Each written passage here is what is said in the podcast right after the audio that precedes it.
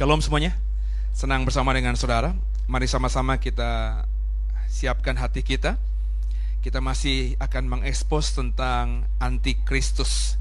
Kita akan buka ayat yang menjadi landasan berpijak kita dalam berteologi ya pada siang hari ini. Wahyu pasal 13 ayat 16 sampai dengan ayat 18. Wahyu 13 ayat 16 sampai dengan ayat yang ke-18. Saya akan bacakan untuk saudara Wahyu 13 ayat 16 sampai 18. Dan ia menyebabkan sehingga semua orang kecil atau besar, kaya atau miskin, merdeka atau hamba, diberi tanda pada tangan kanannya atau pada dahinya. Dan tidak seorang pun yang dapat membeli atau menjual selain daripada mereka yang memakai tanda itu, yaitu nama binatang itu atau bilangan namanya. Yang penting di sini ialah hikmat Barang siapa yang bijaksana, baiklah ia menghitung bilangan binatang itu, karena bilangan itu adalah bilangan seorang manusia, dan bilangannya ialah 666. Di sesi yang pagi tadi saya sudah menjelaskan tentang ayat 16 dan ayat ke-18. Saya menyatakan bahwa 666 ini harus dipahami dengan benar. Ya, di ayat 18 dijelaskan yang penting di sini ialah hikmat. Barang siapa yang bijaksana, ya. Jadi saya sudah expose nanti Bapak Ibu yang tidak mengikuti sesi yang pagi tadi bisa lihat ketika sudah diupload di YouTube bahwa angka 666 ini punya makna simbolik. Yang secara singkat saja saya ingin mengatakan bahwa angka 6 itu adalah angka manusia ya. Karena kalau kita baca kejadian pasal pertama manusia diciptakan di hari ke-6 dan angka 6 itu diulangi tiga kali ya sudah saya katakan di sesi yang tadi ketika kita membaca kitab Wahyu di beberapa tempat di kitab Wahyu ada satu kata yang diulang sampai tiga kali itu artinya ya si penulis wahyu dalam hal ini Yohanes sedang menekankan ya tentang hal yang diulang-ulang itu.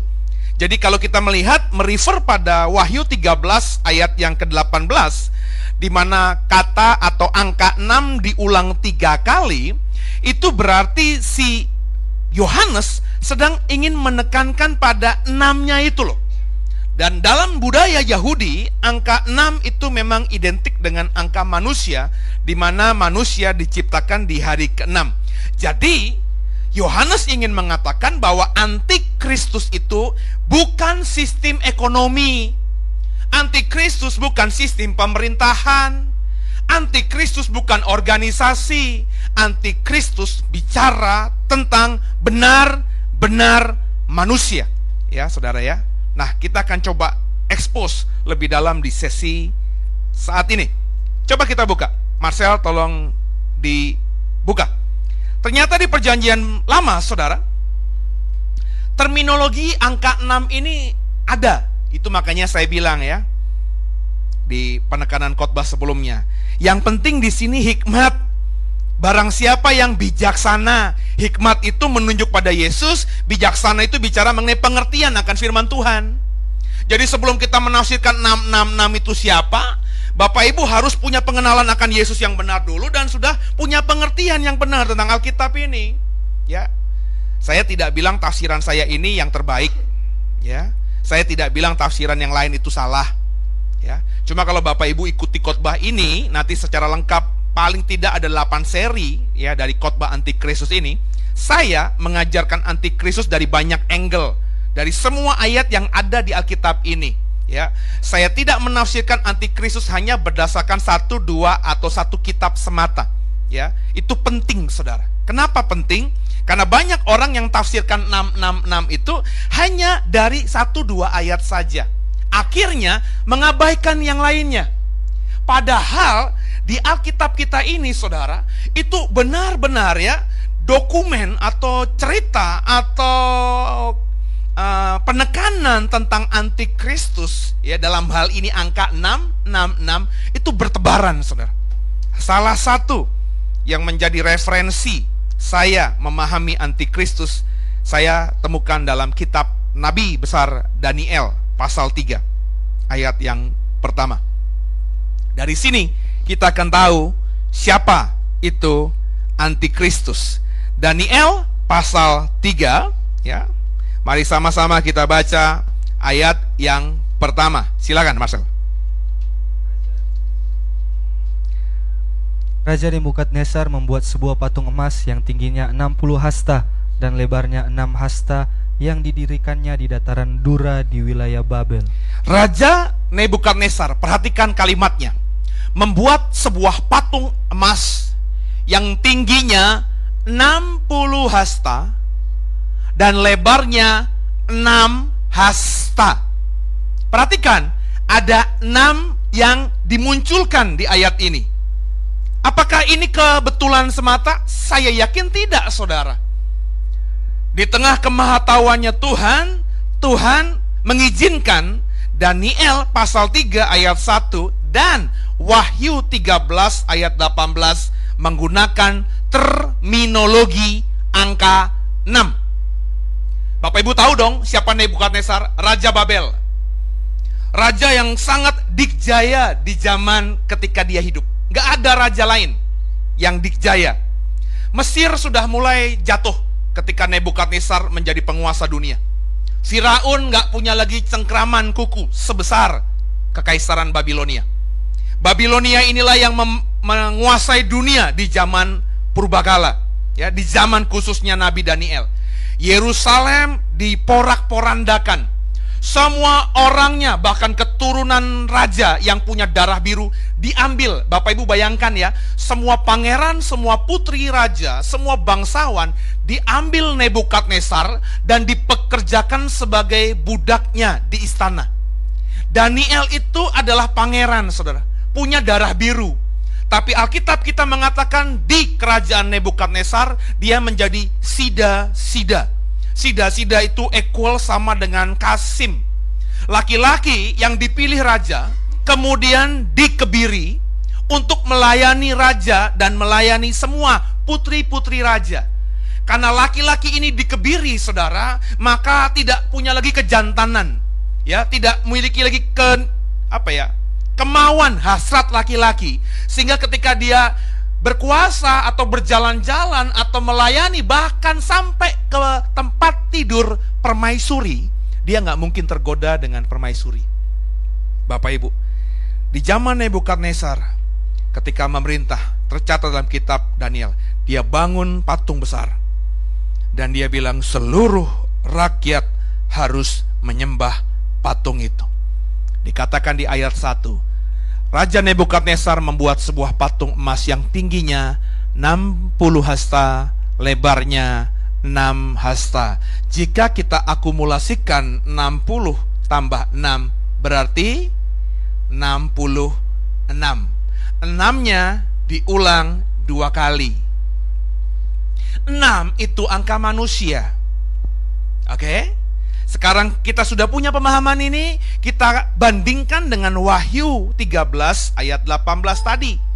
Di mana bilangan si antikristus itu menggunakan bilangan 666. Enamnya tiga kali. Berarti di sini sebenarnya secara langsung tidak langsung saya tidak tahu kita sedang diperhadapkan, kita sedang di, berada dalam perbandingan Alkitab antara Nebukadnezar dan si Antikristus. Si Nebukadnezar punya angka 66. Si Antikristus punya angka 666. Artinya sederhana. Antikristus itu jauh lebih luar biasa dibandingkan Nebukadnezar. Nebukadnezar saja kalau Bapak Ibu sudah membaca kitab Daniel ya. Di gereja kita ini saya sedang menyusun apa namanya yang Bapak Ibu buat renungan kitab Daniel dan juga semua artikel yang bernuansa tentang Daniel ya. Bapak Ibu saya percaya sudah mempelajari kitab Daniel dengan benar ya. Di zaman Nebukadnezar tidak ada lawan setanding dengan Nebukadnezar. Di zaman Nebukadnezar dia bisa punya kasih perintah di mana diikuti seluruh manusia di zaman itu bahwa mereka menyembah patung Nebukadnezar. Kalau Bapak Ibu baca benar-benar kisah antikristus yang ada di Wahyu, maka kurang lebih diperhadapkan pada situasi yang sama. Antikristus di Wahyu pasal 13, si nabi palsu akan bangun patung antikristus. Dan si nabi palsu ini akan memerintahkan seluruh manusia. Alkitab katakan tidak ada yang bisa menolak manusia yang hidup di akhir zaman akan menyembah patung antikristus persis seperti di zaman Nebukadnezar. Tapi karena Nebukadnezar cuma punya enam yang diulang dua kali, enam, enam, Sedangkan antikristus punya angka 6 yang dipak, diulang tiga kali. 6, 6, 6 Kita akhirnya punya pemahaman sederhana Apa yang dialami orang Yahudi di zaman Nebukadnezar nggak ada apa-apanya Dibandingkan dengan apa yang sebentar akan kita hadapi di zaman antikristus itu yang saya mau katakan, itu yang Alkitab katakan bahwa antikristus ketika memerintah. Alkitab yang katakan, nggak pernah terjadi sebelumnya dan tidak akan pernah terjadi lagi di sepanjang dunia ini. Ya. Makanya kalau orang tuh menganggap sambil lalu, saya udah ngomong ini ya dua kali di gereja ini. Tahun kemarin 2015 saya ngomong ini, 2016 di penghujungnya saya juga ulangi lagi Kenapa saya ulangi lagi? Karena saya sangat meyakini kita ini akan hidup di akhir zaman. Ya, saya bilang lihat situasi dunia. Setahun dua tahun apa yang saya katakan di khotbah seri Kok dan Magok ini terjadi, maka Bapak Ibu nggak bisa lagi bilang kita masih punya waktu lama, tinggal sebentar lagi. Ya, makanya sangat uh, up to date khotbah tentang antikristus ini. Lewat mimbar ini saya bicara sama saudara ya. Jangan kau berpikir kau bisa bertahan dalam pemerintahan antikristus. Alkitab katakan sudah saya singgung di khotbah tadi pagi, saya dalami di khotbah minggu kemarin. Ketika antikristus berkuasa, semua manusia akan menyembahnya dan kalau tidak menyembahnya, semua akan dibinasakan. Itu bahasa Alkitab. Terjemahan LAI kurang tajam. Bapak Ibu lihat nanti khotbah seri sebelumnya. Jadi nggak main-main kita dengan antikristus. Kalau Bapak Ibu punya pemahaman yang sama dengan saya bahwa kita hidup di akhir zaman, Bapak Ibu nggak bisa mengabaikan khotbah ini. Ya. Problematikanya. Kalau kita baca, saudara, Wahyu 13 ayat 16 kembali. Tolong dibaca kembali Wahyu 13 ayat 16. Dan ia menyebabkan sehingga kepada semua orang, kecil atau besar, kaya atau miskin, merdeka atau hamba, diberi tanda pada tangan kanannya atau pada dahinya. Problemnya penafsiran tentang 666 ada di ayat ini. Di mana dalam terjemahan Indonesia terbitan LAI diterjemahkan diberi tanda pada tangan kanannya atau pada dahinya. Akhirnya semua orang yang membaca, semua orang yang mendalami tentang antikristus punya pemahaman bahwa tanda antikristus yakni bilangan 666 itu akan dipakaikan sebagai tanda di dahi orang dan di tangan kanan orang. Itu pemahaman yang umum Bapak Ibu. Bapak Ibu browsing di internet, Bapak Ibu lihat di YouTube, semua khotbah pendeta-pendeta kebanyakan mayoritas mengatakan bahwa di akhir zaman nanti semua manusia akan memakai tanda antikristus 666 di dahi dan di tangan kanan mereka. Dan kalau saya boleh katakan dengan vulgar aja, semua menafsirkan tanda itu dengan chips. Sesuatu yang sekarang ini Bapak Ibu sebenarnya chips itu sudah Bapak Ibu miliki. Ya. Karena Bapak Ibu kan punya kartu debit, Bapak Ibu punya kartu kredit. Di dalam kartu-kartu yang kau miliki di kantongmu itu ada chips. Dan kalau memang kita mendalami tentang dunia teknologi, Bapak Ibu kalau punya chips itu entah itu di kartumu, apalagi kalau nanti benar ditanam di dahi dan di tangan kanan, Bapak Ibu akan terdeteksi ke mana pun Bapak Ibu pergi. Nggak ada tempat di muka bumi ini Bapak Ibu tidak bisa terdeteksi. Dan kalau kita lihat film-film, makanya saudara, ya jangan jadi orang Kristen yang terlalu rohani, yang nggak suka nonton film lagi ya. Bioskop itu haram gitu saudara ya. Jangan gitulah ya. Nonton bioskop ya. Nonton film-film sekarang ini fiksi-fiksi ya. Semua film sekarang ini sudah menyatakan hal itu ya. Bapak Ibu harus paham ya. Film itu kadang bener loh. Kadang bener loh saudara ya. Saya masih ingat film-film tahun 70-an 80-an tentang banyak hal ya saya masih ingat film-film Star Trek keluaran tahun 70 80-an 70-an ya. Terus juga apa namanya eh, film-film uh, apa fiksi yang dari Amerika Hollywood sana tentang yang dikatakan tahun 2000 sekian, 2000 belasan sekian, itu udah tergenapi semuanya. Semuanya sudah tergenapi ya. Yang namanya mobil berjalan bukan dengan roda tapi terbang, sebenarnya prototipenya sudah ada, Saudara. Ya Nggak tahu ya saudara ya. Lu nggak pernah browsing di internet sih. Ya, itu udah ada saudara. Namanya mobil melayang, tidak pakai roda. Bahkan mobil bisa menjadi langsung ke apa namanya kapal selam bisa bisa bisa apa dikendarai di bawah permukaan air. Ya, Bahkan sekarang ini sudah ada seorang apa bangsa uh, seorang apa namanya uh, pengusaha yang besar ya, orang yang punya duit yang sudah bikin apa tamasya keluar angkasa. Bapak Ibu tahu nggak itu? Ya, tinggal bayar ya. Itu diperkirakan beberapa tahun ke depan pesawatnya jadi dan Bapak Ibu akan bisa pergi paling tidak melewati orbit atmosfer ya di atas atmosfer Bapak Ibu bisa terbang ke angkasa itu sudah menjadi hal yang sangat-sangat logis di 2016 sekarang ini. Ya. Tapi pertanyaannya, apakah tanda 666 itu adalah chips? Itu pertanyaannya. Ya. Semua mengatakan iya. Sampai sekarang. Ya. Tentu kalau Bapak Ibu aktif di dunia maya, di sosial media, ya, sampai beberapa bulan sebelum pemilu presiden kemarin saja saya masih dikirimkan ya.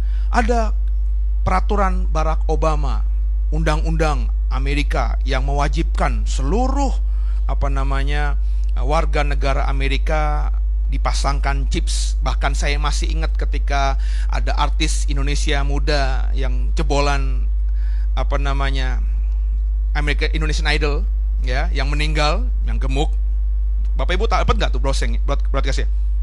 Ya, puji Tuhan uh, dia meninggal karena sebenarnya dia sebenarnya diundang oleh apa namanya untuk menyanyi di di, di apa sih yang diadakan oleh uh, Kementerian Luar Negeri Amerika atau apa begitu ya. Tapi syaratnya dia harus pakai tanda dipasangin chips katanya di dahi atau di tangannya. Tapi puji Tuhan uh, dia menolak ya dan ya dia tidak sampai. Coba kalau dia pakai tanda itu dia akan ke surga. Itu ada loh saudara. Pernah dapat nggak?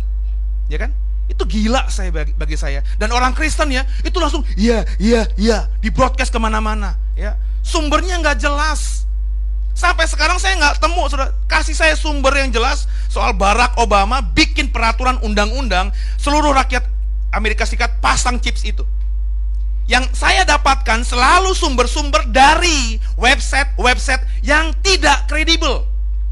Dalam artian apa? Dalam artian tentang undang-undang Amerika ini. Kalau misalnya benar, pasti yang muncul itu adalah website berita dari website Washington Post, CNN, BBC. Pasti yang model-model begitu. Tapi saya browse, browsing, nggak ada itu dari CNN yang ngomongin begitu. Yang ada tuh dari situs-situs Kristen, sorry aja ya ya dari dari apa namanya blok-blok Kristen yang memang kelompok Kristen ini sudah punya pemahaman bahwa 666 itu tandanya adalah chips. Entah dari sumber mana mereka bikin blog itu, artikel itu, kemudian di broadcast ke semua orang, sampailah kepada kita, dan saudara, jujur aja, gak berhikmat bener-bener. Ya, wah bener tuh, udah kejadian, di broadcast lagi ya bahwa semua di Amerika sudah pakai enam tanda chip itu, pasang chip itu, tinggal di Indonesia. Di Indonesia juga sudah mulai masuk. Mana sumber resminya? Nggak ada, saudara. Saya tidak bilang tidak mungkin ya, karena bisa jadi mungkin. Untuk alasan kesehatan dan lain sebagainya. Contohnya Pak Ahok aja kemarin kan, sebelum apa namanya cuti, dia kan minta agar rakyat DKI punya kartu Jakarta apa tuh? Bukan Jakarta Pintar, kartu Jakarta ah saya Jakarta satu ya, satu apa sih? Ada tuh? Ya jadi pakai kartu itu ya, seluruhnya bisa dipakai ya. Mau mau masuk ke MRT kah, mau nanti narik uh, apa uh, uh, iuran apa tuh yang apa Jakarta Pintar itu, pokoknya satu kartu Jakarta kartu Jakarta Pintar atau apa gitu ya. Ya coba dicek lagi. Itu satu kartu. Pokoknya rakyat DKI nggak mungkin kata Pak Ahok tidak makan, tidak mungkin rakyat DKI susah dan nggak mungkin nggak sekolah. Ya. Jadi saya memahami memang saudara sangat besar kemungkinan ke depan nanti ya itu yang namanya kartu kredit udah nggak ada lagi bisa jadi memang dipasang di tangan ini untuk efisiensinya ya tapi apakah itu yang dimaksudkan oleh tanda antikristus Mari sama-sama coba kita dalami apa kata Alkitab soal ini. Biarlah Alkitab menjelaskan Alkitab. Coba sama-sama kita buka. Keluaran 13 ayat 9. Bapak Ibu harus memahami bahwa musuh Bapak Ibu dan saya yang namanya Satan, iblis atau Lucifer itu bukan oknum yang bodoh. Dan saya sangat mengerti resiko ini. Jika yang saya tafsirkan ini adalah kebenaran, saya sedang menelanjangi apa yang sebenarnya menjadi rahasia dari si Satan, si Lucifer ini. Coba kita baca, tolong Marcel baca. Keluaran 13 ayat 9. Hal itu bagimu harus menjadi tanda pada tanganmu dan menjadi peringatan di dahimu, supaya hukum Tuhan ada di bibirmu, sebab dengan tangan yang kuat Tuhan telah membawa engkau keluar dari Mesir. Sudah berulang-ulang lewat seri khotbah ini saya mengatakan bahwa Satan, iblis, Lucifer itu paling pintar mengkopi paste pekerjaan Tuhan. Pak, kenapa dia nggak kreatif, Pak? Kenapa dia nggak pakai jalan dan idenya, otaknya sendiri? Bapak Ibu harus paham dulu siapa Lucifer itu. Lucifer, Satan, iblis itu sebenarnya adalah pewaris surga. Ya. ya. Bapak Ibu yang sudah baca buku saya tentang Lucifer ngerti maksud saya ini. Lucifer itu bukan sekedar malaikat. Gak bisa dibandingkan Lucifer dengan Mikael, Gabriel, ya ataupun kalau kita belajar dari orang-orang Katolik punya banyak nama-nama malaikat-malaikat lainnya. Nggak sebanding mereka dengan Lucifer, Bapak Ibu. Lucifer itu lebih tinggi. Kalau kita benar-benar mendalami Alkitab, posisinya dibandingkan semua malaikat termasuk si Mikael yang menurut Alkitab adalah panglima bala tentara surga itu. Nah jadi Lucifer itu paling ngerti Tuhan sebenarnya. Makanya dia berani berontak kepada Tuhan. Kenapa? Karena ketika dia masih ada di surga, seluruh penghuni surga itu tunduk sama dia. Di atas dia cuma Tuhan, tidak ada yang lainnya. Jadi ada hierarki Bapak Ibu. Sama seperti sekarang ini, kita yang sebagai warga negara Indonesia punya pemimpin yang namanya presiden. Itulah pemimpin tertinggi kita. Semua orang kalau ingin merubah undang-undang, kalau ingin mempengaruhi keputusan pemerintah, harus menghadap presiden. Tapi kan nggak langsung begitu. Ada birokrasi-birokrasi. Ya. Sampai misalnya di eselon 1 naik ke menteri, menteri ke Menko, Menko mungkin ke Wapres ya. Wapres pun mungkin nggak punya akses langsung, harus melalui sekretaris presiden dan lain sebagainya. Itu yang saya mau katakan. Jadi saudara, semua penghuni surga, semua makhluk-makhluk rohani yang ada di surga, itu langsung ada dalam otoritas Lucifer. Sehingga menyadari hal ini, dia mungkin berpikir, saudara, makanya dia berani memberontak kepada Tuhan. Semua ada di dalam tanganku kok. Surga dibuat untuk aku kok. Makanya dia berani memberontak kepada Allah. Karena dia paling dekat dengan Tuhan, maka dia tahu siapa Yehova itu sebenarnya. Karena dia tahu, saudara, maka dia pasti mempercayai semua yang direncanakan Yehova, semua yang dikerjakan Yehova adalah sesuatu yang paling benar dan tepat. Mengcopy paste sebenarnya tidak salah. Justru saudara bodoh kalau saudara mau mengerjakan sesuatu, tapi yang saudara kerjakan itu sudah dikerjakan orang lain dan kau memulainya dari nol itu hal yang bodoh. Ya, saya sebelum mengembalakan gereja ini dua tahun yang lalu, ya, saya itu berteman dengan banyak gembala sidang. Nggak pernah berpikir, saudara, ya, untuk menjadi gembala sidang. Kenapa saya nggak merasa punya karunia itu? Tapi dengan pergaulan dengan banyak gembala sidang, saya memahami seluk-beluk dunia penggembalaan. Banyak teman yang gembala sidang sakit hati karena jemaatnya lari, saya pikir kalau gue jadi gembala sidang nanti gue nggak boleh sakit hati kalau jemaat lari. Ada gembala sidang yang nggak pernah peduli sama jemaatnya. Kalau khotbah ngomongnya persepuluhan, persembahan mulu. Saya ngomong dalam hati, kalau nanti Tuhan izinkan gue jadi gembala sidang, nggak akan pernah gue ngomong di mimbar tentang persepuluhan dan menekankan persembahan kepada jemaat. Dan itu sudah saya buktikan selama dua tahun ini. Yang saya mau katakan saudara, ketika akhirnya the way ini Tuhan izinkan, saya nggak seperti orang yang gagap mengembalakan. Nggak punya pengalaman sama sekali. Tapi berdasarkan pengalaman orang-orang lain, saya membangun gereja ini, memimpin gereja ini dan sampai sekarang. Belum sempurna, jelas nggak akan sempurna. Sebab kalau sempurna hanya milik Tuhan. Tapi paling tidak, yang dua tahun kita kerjakan ini, ya lepas dari banyak kelemahannya, itu sudah berjalan bagi saya di jalan yang tepat. Nah kekasih Tuhan, mengcopy paste, meniru hal yang diperbuat orang yang jelas-jelas kita tahu itu benar adalah sesuatu yang baik. Iblis itu mengikuti pola pikir dan pola kerjanya Tuhan. Tuhan pernah berkata kepada Israel, tercatat dalam Keluaran 13 ayat 9 ini. Hal itu bagimu harus menjadi tanda pada tanganmu dan menjadi peringatan di dahimu. Tanda di tanganmu, peringatan di dahimu. Hampir mirip bahasanya dengan Wahyu 13 ayat 18 tadi, 16 18 tadi.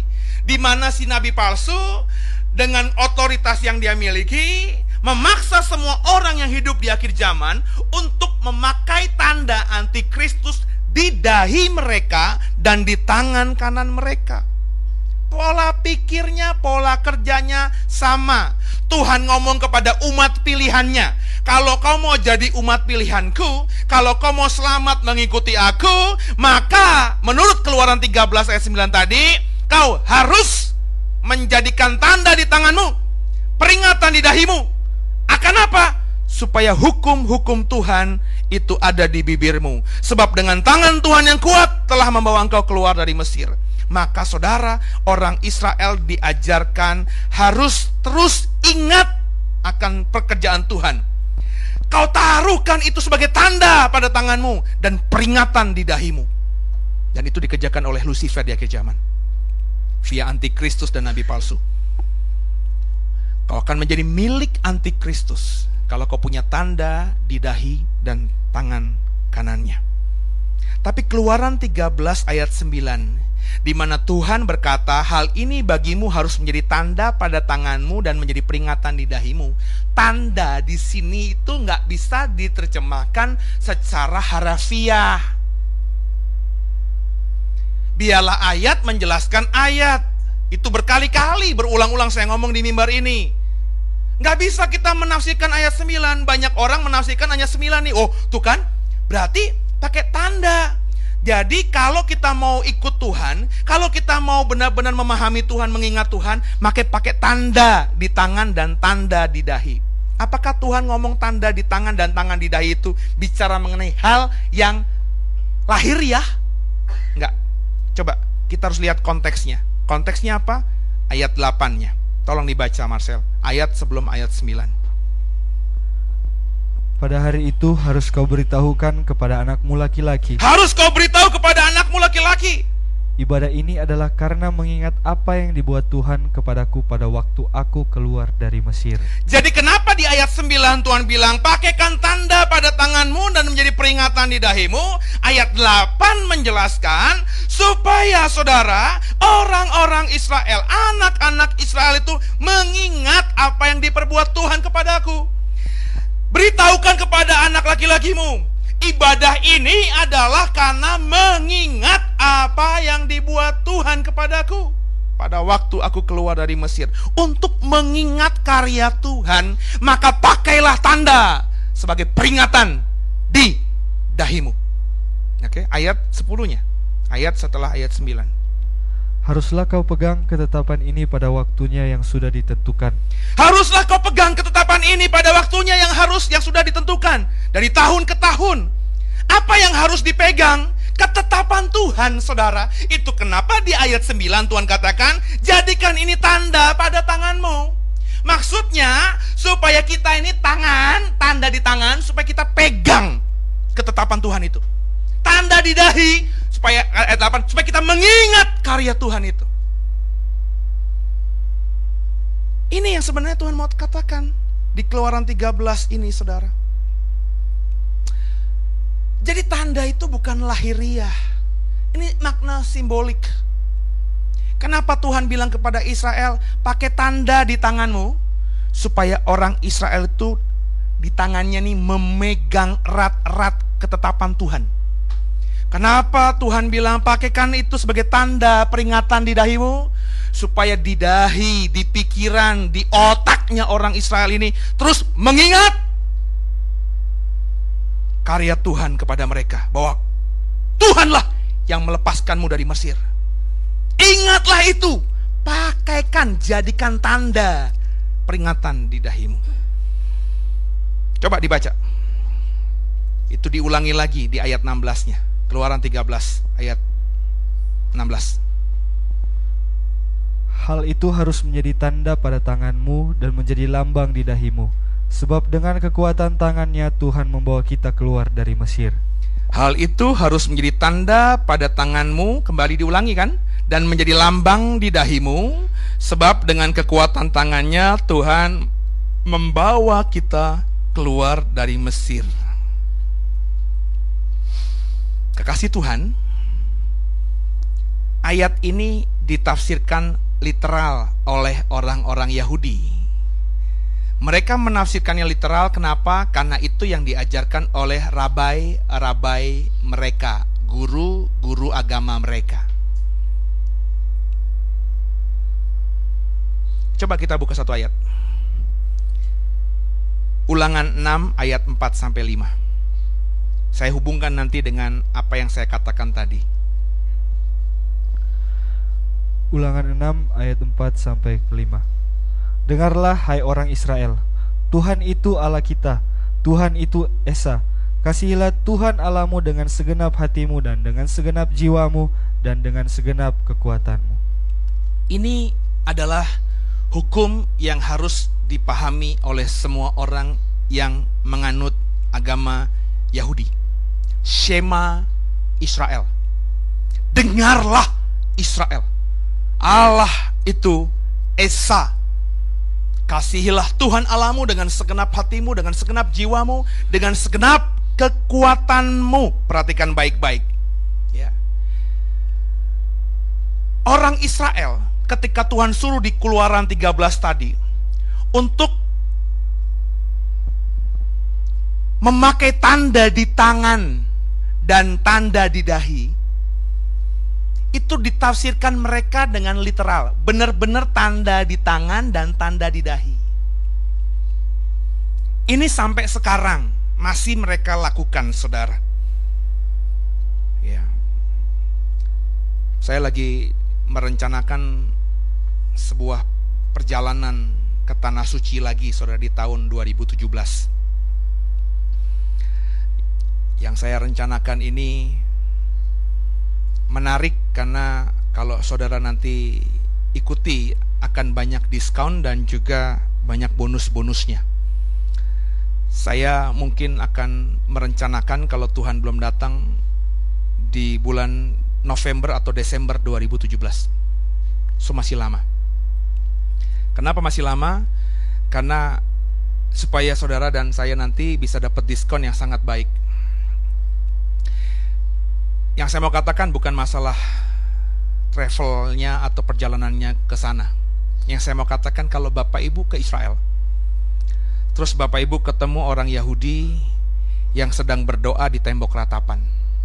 Ingat ya, sekarang ini nyaris tidak ada lagi bait Allah. Sinagog pun tidak begitu banyak di, di muka bumi ini, seperti mos seperti masjid dan juga seperti gereja. Sinagog nggak sebanyak masjid dan gereja.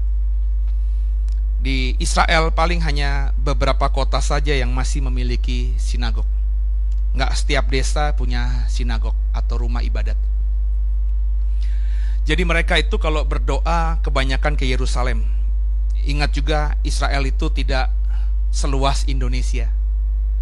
Jadi dari Galilea menuju ke Yudea ya dari Danau Tiberias di atas menuju ke Yerusalem ke bawah naik mobil sekarang paling cuma satu jaman saudara. Jadi tidak ada alasan mereka susah untuk beribadah ke tembok ratapan. Itu yang saya mau katakan. Maka mereka kalau berdoa itu selalu di tembok ratapan. Dan kalau Bapak Ibu melihat mereka berdoa di tembok ratapan maka mereka itu memakaikan sesuatu di tangan kanan dan di dahi mereka. Apa yang mereka sebut dan kita kenal sebagai tefilin. Tefilin ya nanti Bapak Ibu tinggal broadcast nanti mungkin pas di apa di upload di YouTube saya akan munculkan bentuk tefilinnya. Ya. Tefilin itu seperti kotak hitam kecil. Itu kemudian ada seperti tali ya dalam kotak hitam kecil itu biasanya berisi ayat-ayat firman Tuhan. Ayat-ayat firman Tuhan yang pasti ada di tefilin, salah satunya adalah Shema Israel, ulangan 6 ayat 4 sampai 5 ini. Mereka gunting atau mereka potong ulangan 6 ayat 4 sampai 5 ini, mereka linting kecil, mereka masukkan dalam kotak itu, kemudian mereka tutup. Ketika mereka beribadah, ya, nanti kalau ada kesempatan ke sana saya cari tefilin itu, ya. Terus mereka pasang di lengan kanan mereka, diikat di sini. Jadi menonjol di lengan kanan kotaknya, diikat dan di dahi juga seperti itu. Mereka ikat. Taruh sini, diikat dan mereka ketika sudah pakai tanda di dahi dan di tangan kanannya, mereka baru berdoa. Yang saya mau katakan, orang-orang Israel karena pengajaran para rabi menafsirkan literal, maka akhirnya tanda di tangan kanan dan tanda di dahi itu akhirnya seperti yang kita temukan sampai 2016 ini. Bentuknya lahiriah. Tanda benar-benar kelihatan. Oh, ada tanda di dahinya karena ada kotak tadi yang mereka ikat, ada tanda di tangannya, ada kotak juga yang mereka ikat di tangan kanan. Tapi sebenarnya apakah itu yang dimaui Tuhan? Sebenarnya tidak begitu, Saudara. Tuhan ketika berkata di keluaran 13 bahwa jadikan itu tanda pada tanganmu dan lambang di dahimu. Itu nggak ngomongin tanda lahiriah.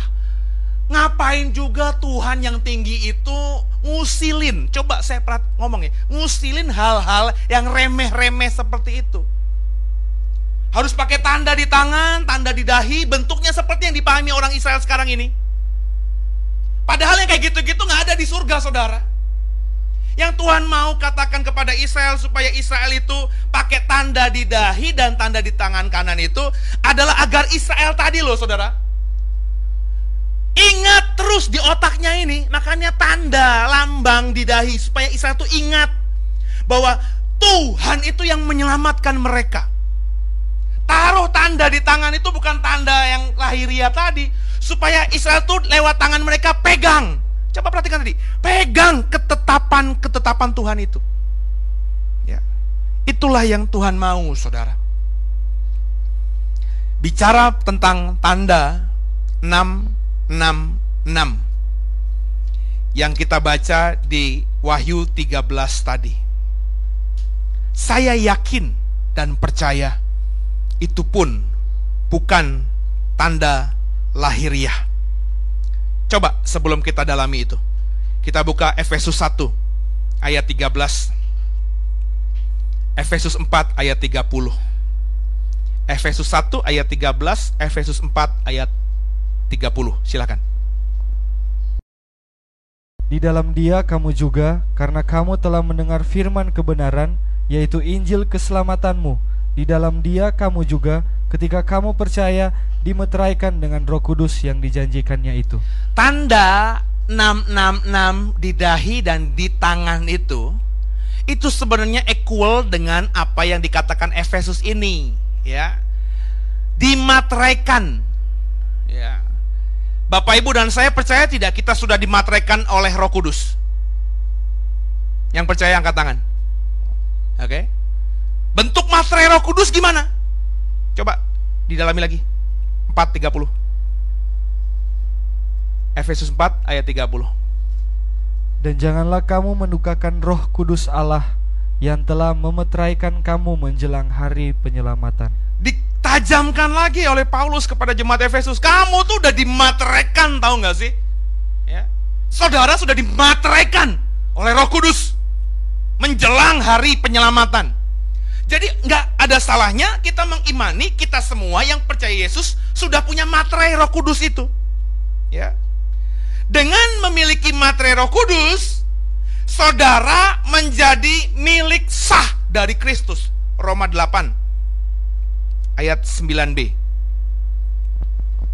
Coba Roma 8 ayat 9.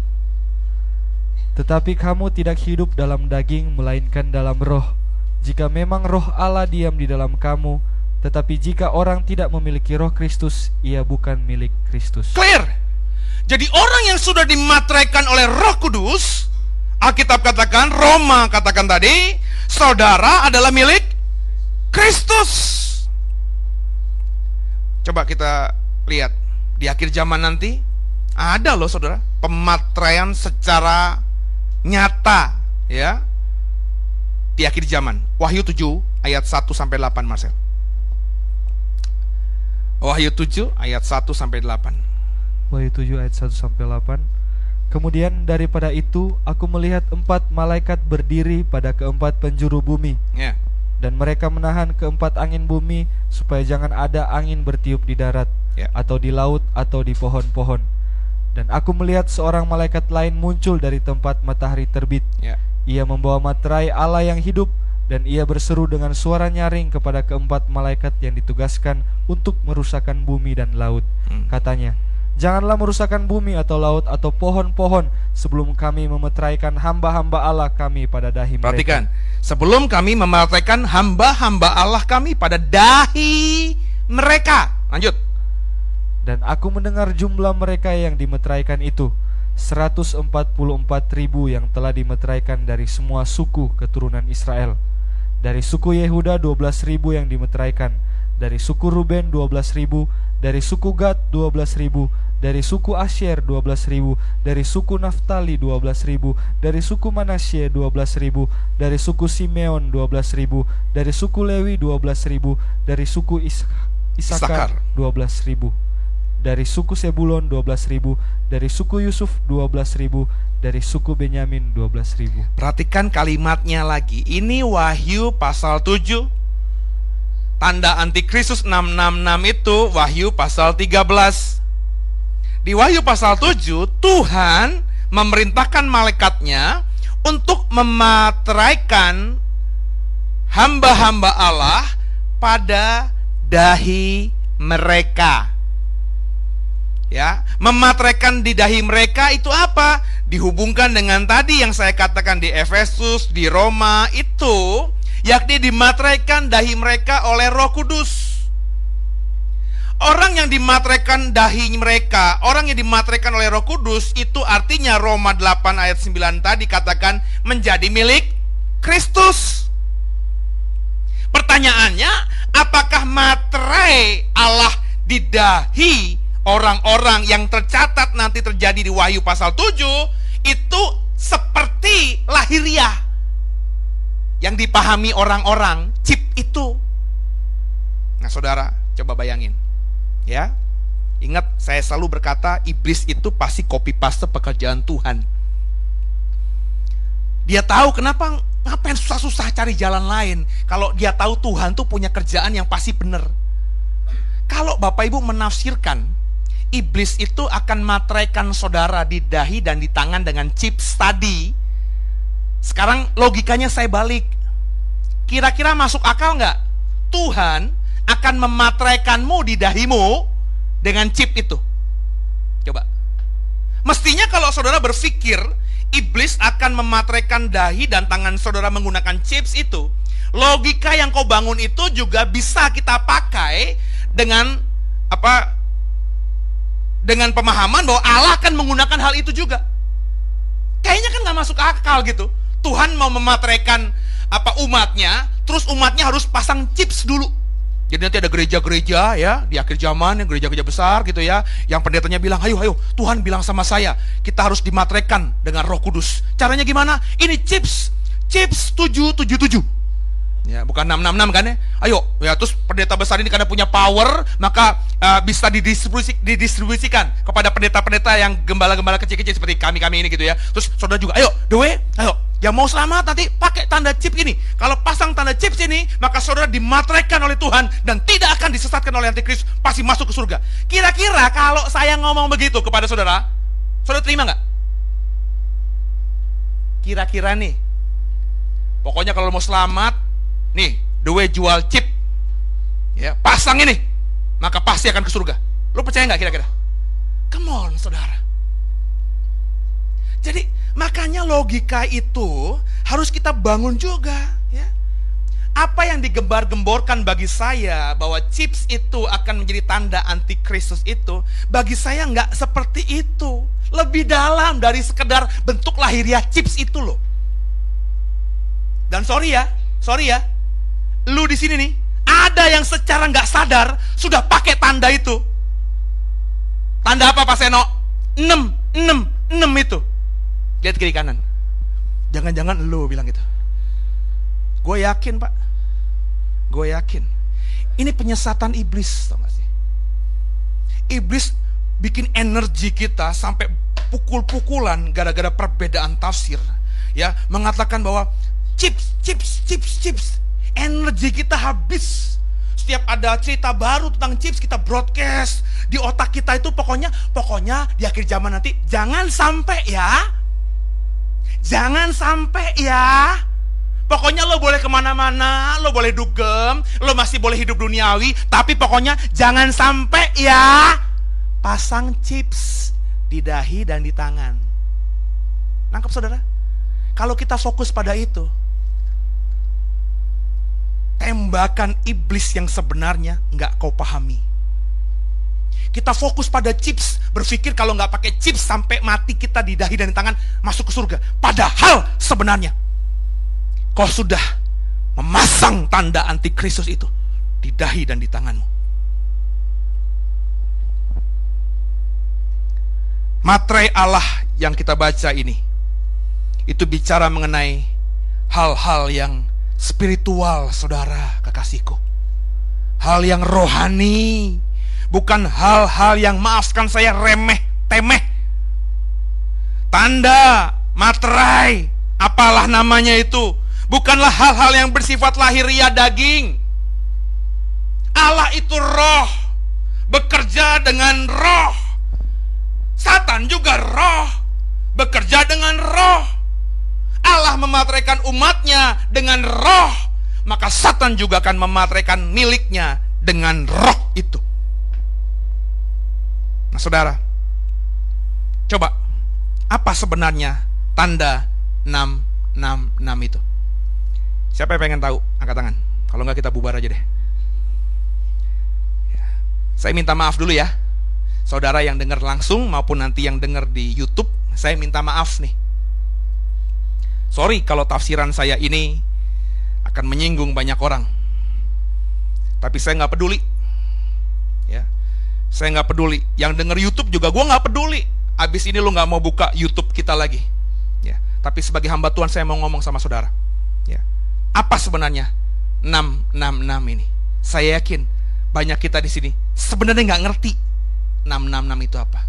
Padahal ada di Alkitab.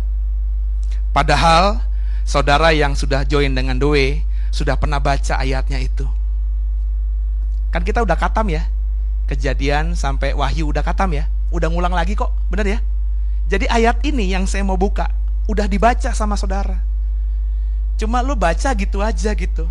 Padahal kelihatan banget 666 tuh muncul ya. Tapi saudara lewati gitu aja.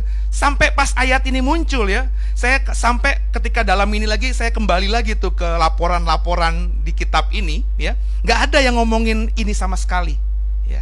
Seolah-olah itu berlalu begitu saja. Padahal inilah bagi saya pemahaman arti 666 itu. Yuk siapkan hatimu. Satu raja-raja. Pasal 10 ayat ke-14.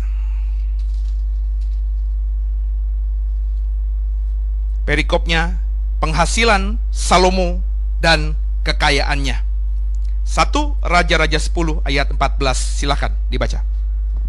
Adapun emas yang dibawa kepada Salomo dalam satu tahun ialah seberat 666 talenta. Saya baca ya. Adapun emas yang dibawa oleh dibawa kepada Salomo dalam satu tahun ialah seberat 666 talenta. 666 dari kejadian sampai wahyu terminologi 666 hanya muncul di wahyu 13 yang kita baca tadi ayat 18 dan di satu raja-raja 10 ayat 14 ini nggak muncul di kitab lain. Kebetulan aja kali Pak, saya yakin ini firman Tuhan dan tidak ada yang kebetulan dalam Tuhan.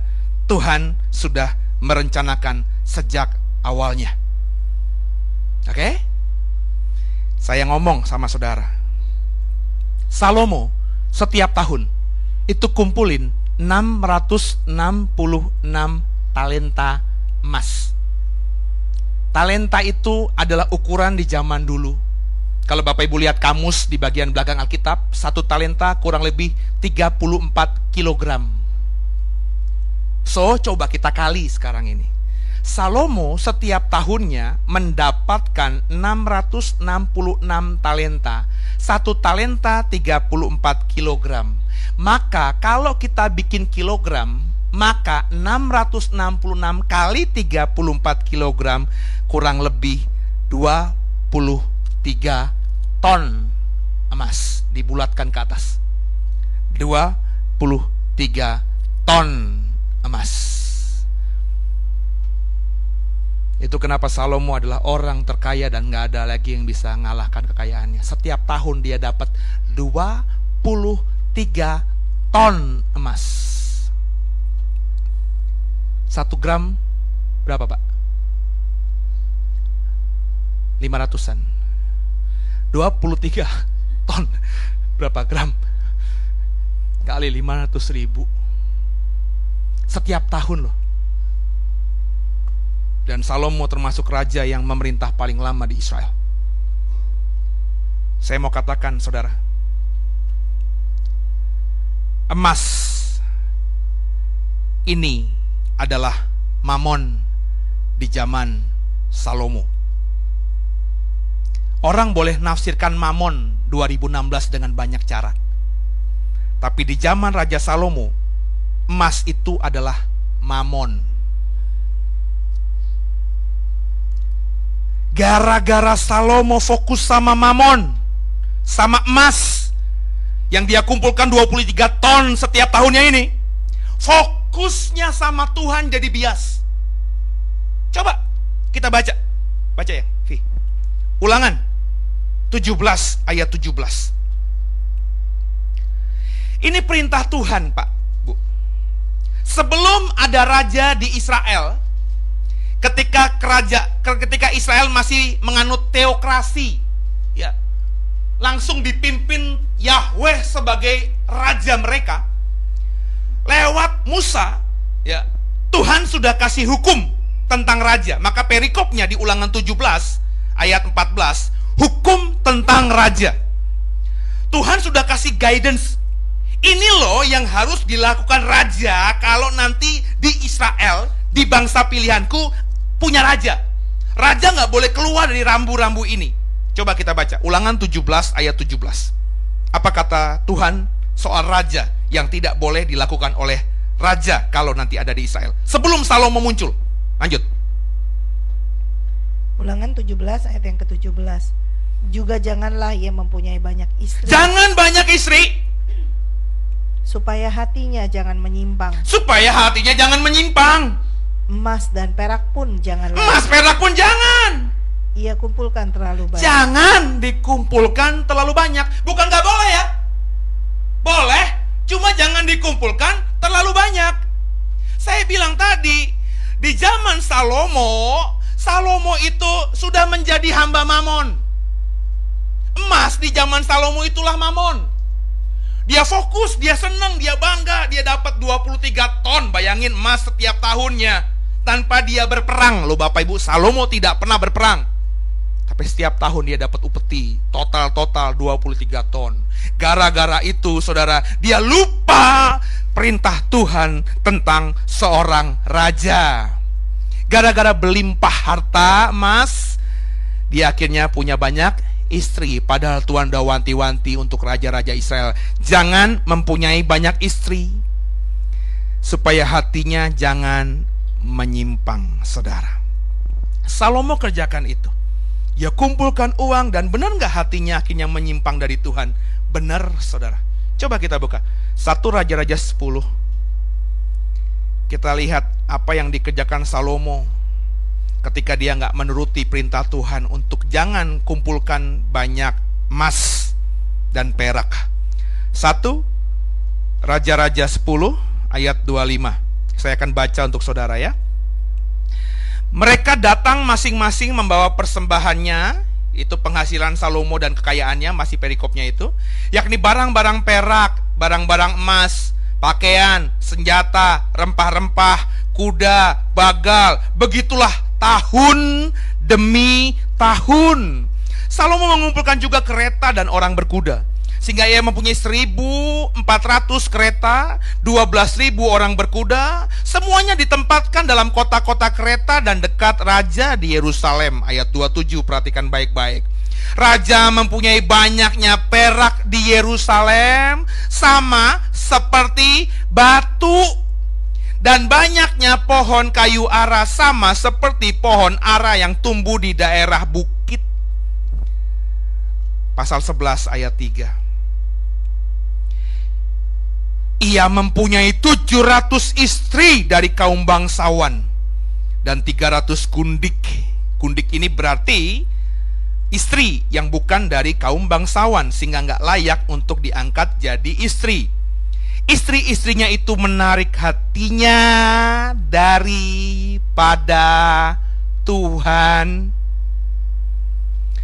Salomo akhirnya secara nggak sadar terikat saudara sama istri, emas, dan perak.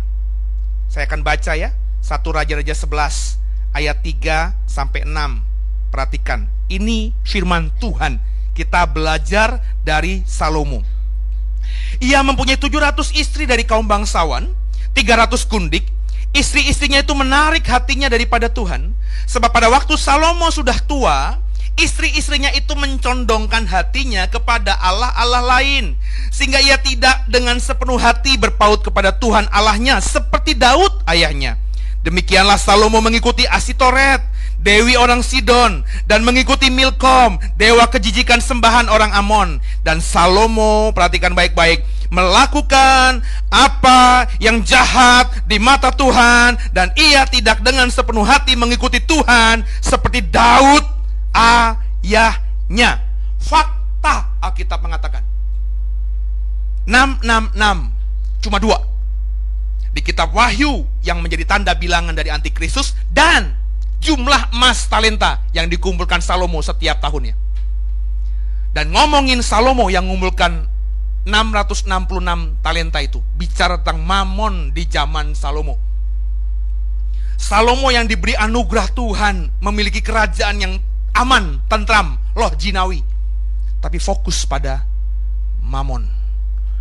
Uang, uang, uang konteks 2016. Tapi zaman dulu emas, emas, emas. Emas mamon itu yang membuat dia semakin menjauh daripada Tuhan. Alkitab katakan tadi, ia melakukan apa yang jahat di mata Tuhan. Pak, Bu. Sekarang saya tanya. Tanda bilangan antikristus 666 itu bicara apa? Tadi gue udah ngomong. Hah? Ma Mamon. Baca. 1 Timotius 6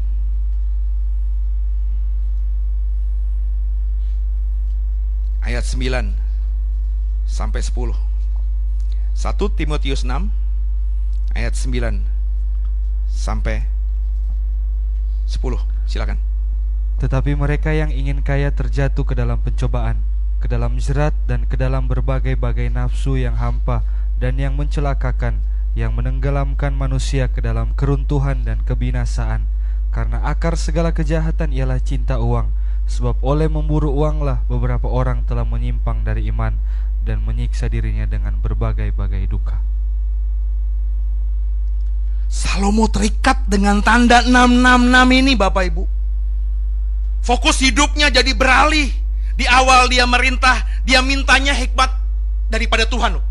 Dia nggak minta emas, dia nggak minta kekuasaan, dia nggak minta perluasan kerajaannya. Yang dia minta pertama kali ketika dia ditabiskan menjadi raja, Tuhan berikan aku hikmatmu. Keren. Tapi setelah dia jadi raja dengan hikmat marifat sehingga kebijaksanaan yang melebihi orang-orang di zamannya, dia mulai berpaling. Gara-gara apa? Emas dan perempuan.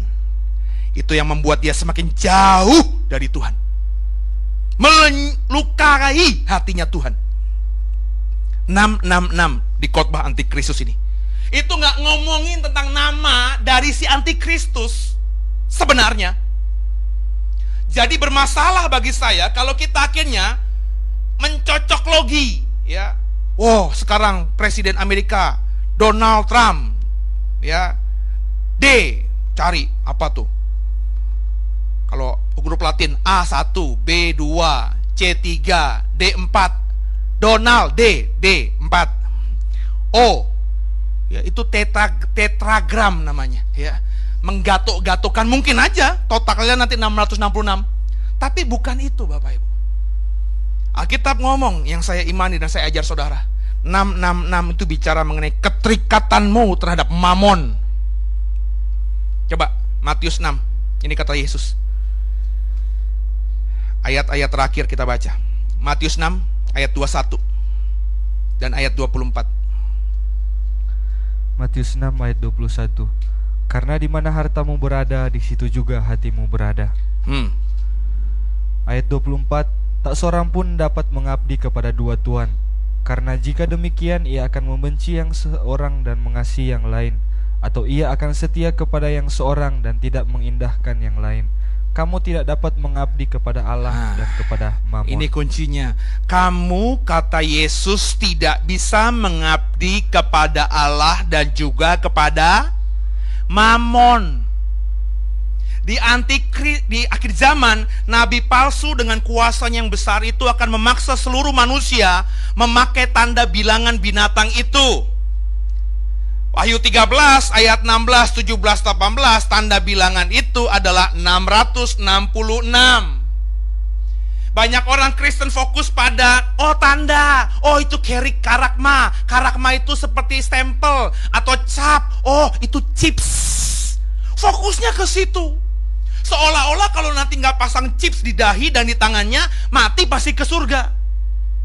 Semua mimbar gereja ngomongin antikristus, ngomongnya chips, chips, chips, chips, chips. Bapak Ibu tahu nggak sih? Chips itu sudah digembar-gemborkan oleh orang-orang karismatik sejak tahun 70.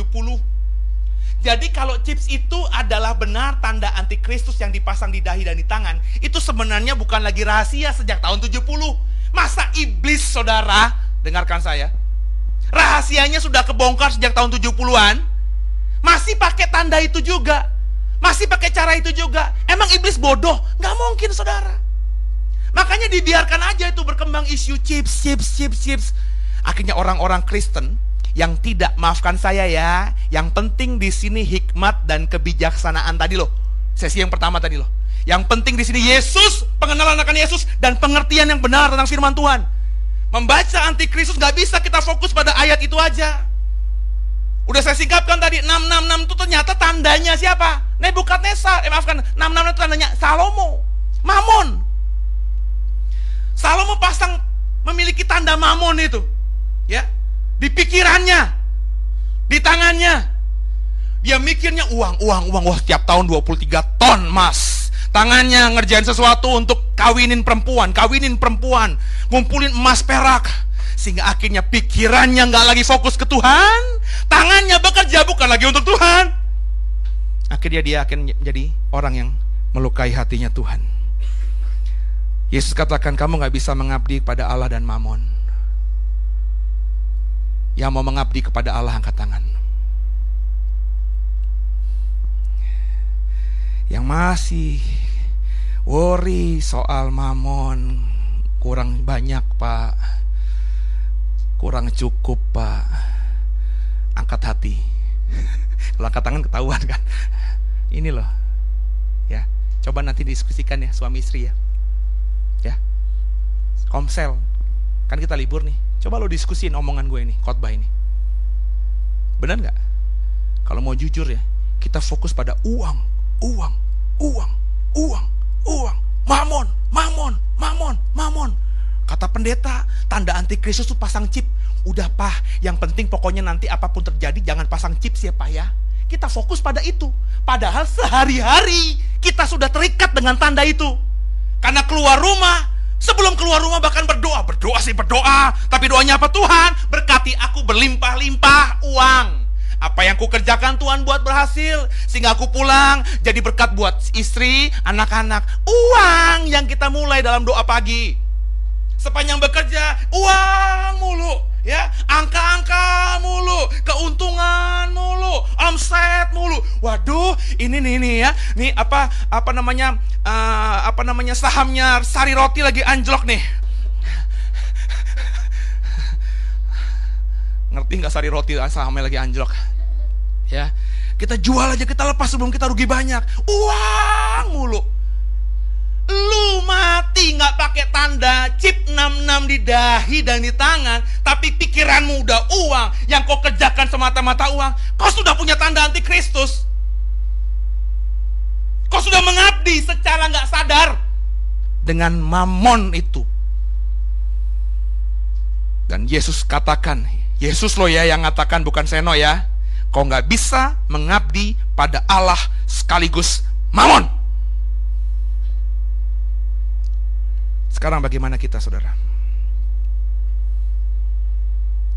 Sesi ini saya tutup. Saya berani ngomong di mimbar ini. Saya berani nanti mempertanggungjawabkan pengajaran saya ini. Saya berani berkata, tanda antikristus 666 bukan chips. Tanda antikristus 666. Bahkan kalau kau ikuti khotbah saya ini secara nggak sadar, sudah mulai mengikat kita pelan-pelan. Sehingga pikiranmu bukan kepada Tuhan, tapi kepada uang. Yang kau kerjakan semata-mata untuk menghasilkan uang, bukan untuk menyenangkan Tuhan. Salomo gara-gara itu fokusnya kepada Tuhan akan hilang. Perhatikan. Sampai akhirnya Salomo baru bertobat di masa tua. Puji Tuhannya bertobat. Tapi dia sudah mengikat pada mamon itu. Di akhir zaman ini, antikristus belum datang. Dengarkan saya ya, belum datang. Kalau apa yang saya khotbahkan di seri Gog dan Magog itu terjadi, maka saya bilang setahun dua tahun kita akan tahu sosok antikristus itu. Tapi meskipun antikristus belum datang, sebenarnya tanda antikristus itu sudah mengikat kita. Maka nggak heran, nggak heran. Terakhir kalimat saya ini, ketika dia muncul nanti, kau akan dengan mudahnya menyembah dia. Kenapa? Sudah, jangan bilang-bilang ya, sudah satu roh. Apa saudara? Sudah satu roh. Saya cuma ngomong sebagai pendetamu. Kalau fokus hidupmu uang, kau sudah satu roh dengan antikristus. Sorry ya, dia muncul nanti. Lo akan mudah ninggalin gue. Lo akan mudah ninggalin gereja. Dan begitu juga mudahnya seperti membalikan telapak tangan kau tinggalkan Yesusmu. Maka sekarang setelah dengar khotbah ini semuanya, ayo uji dirimu introspeksi dirimu. Kumpulkan emas itu nggak salah. Memiliki emas itu nggak salah. Tapi jangan berlebihan. Jangan terlalu fokus pada hal itu. Sama-sama kerjakan. Bersiaplah menantikan kedatangannya. Tuhan Yesus memberkati.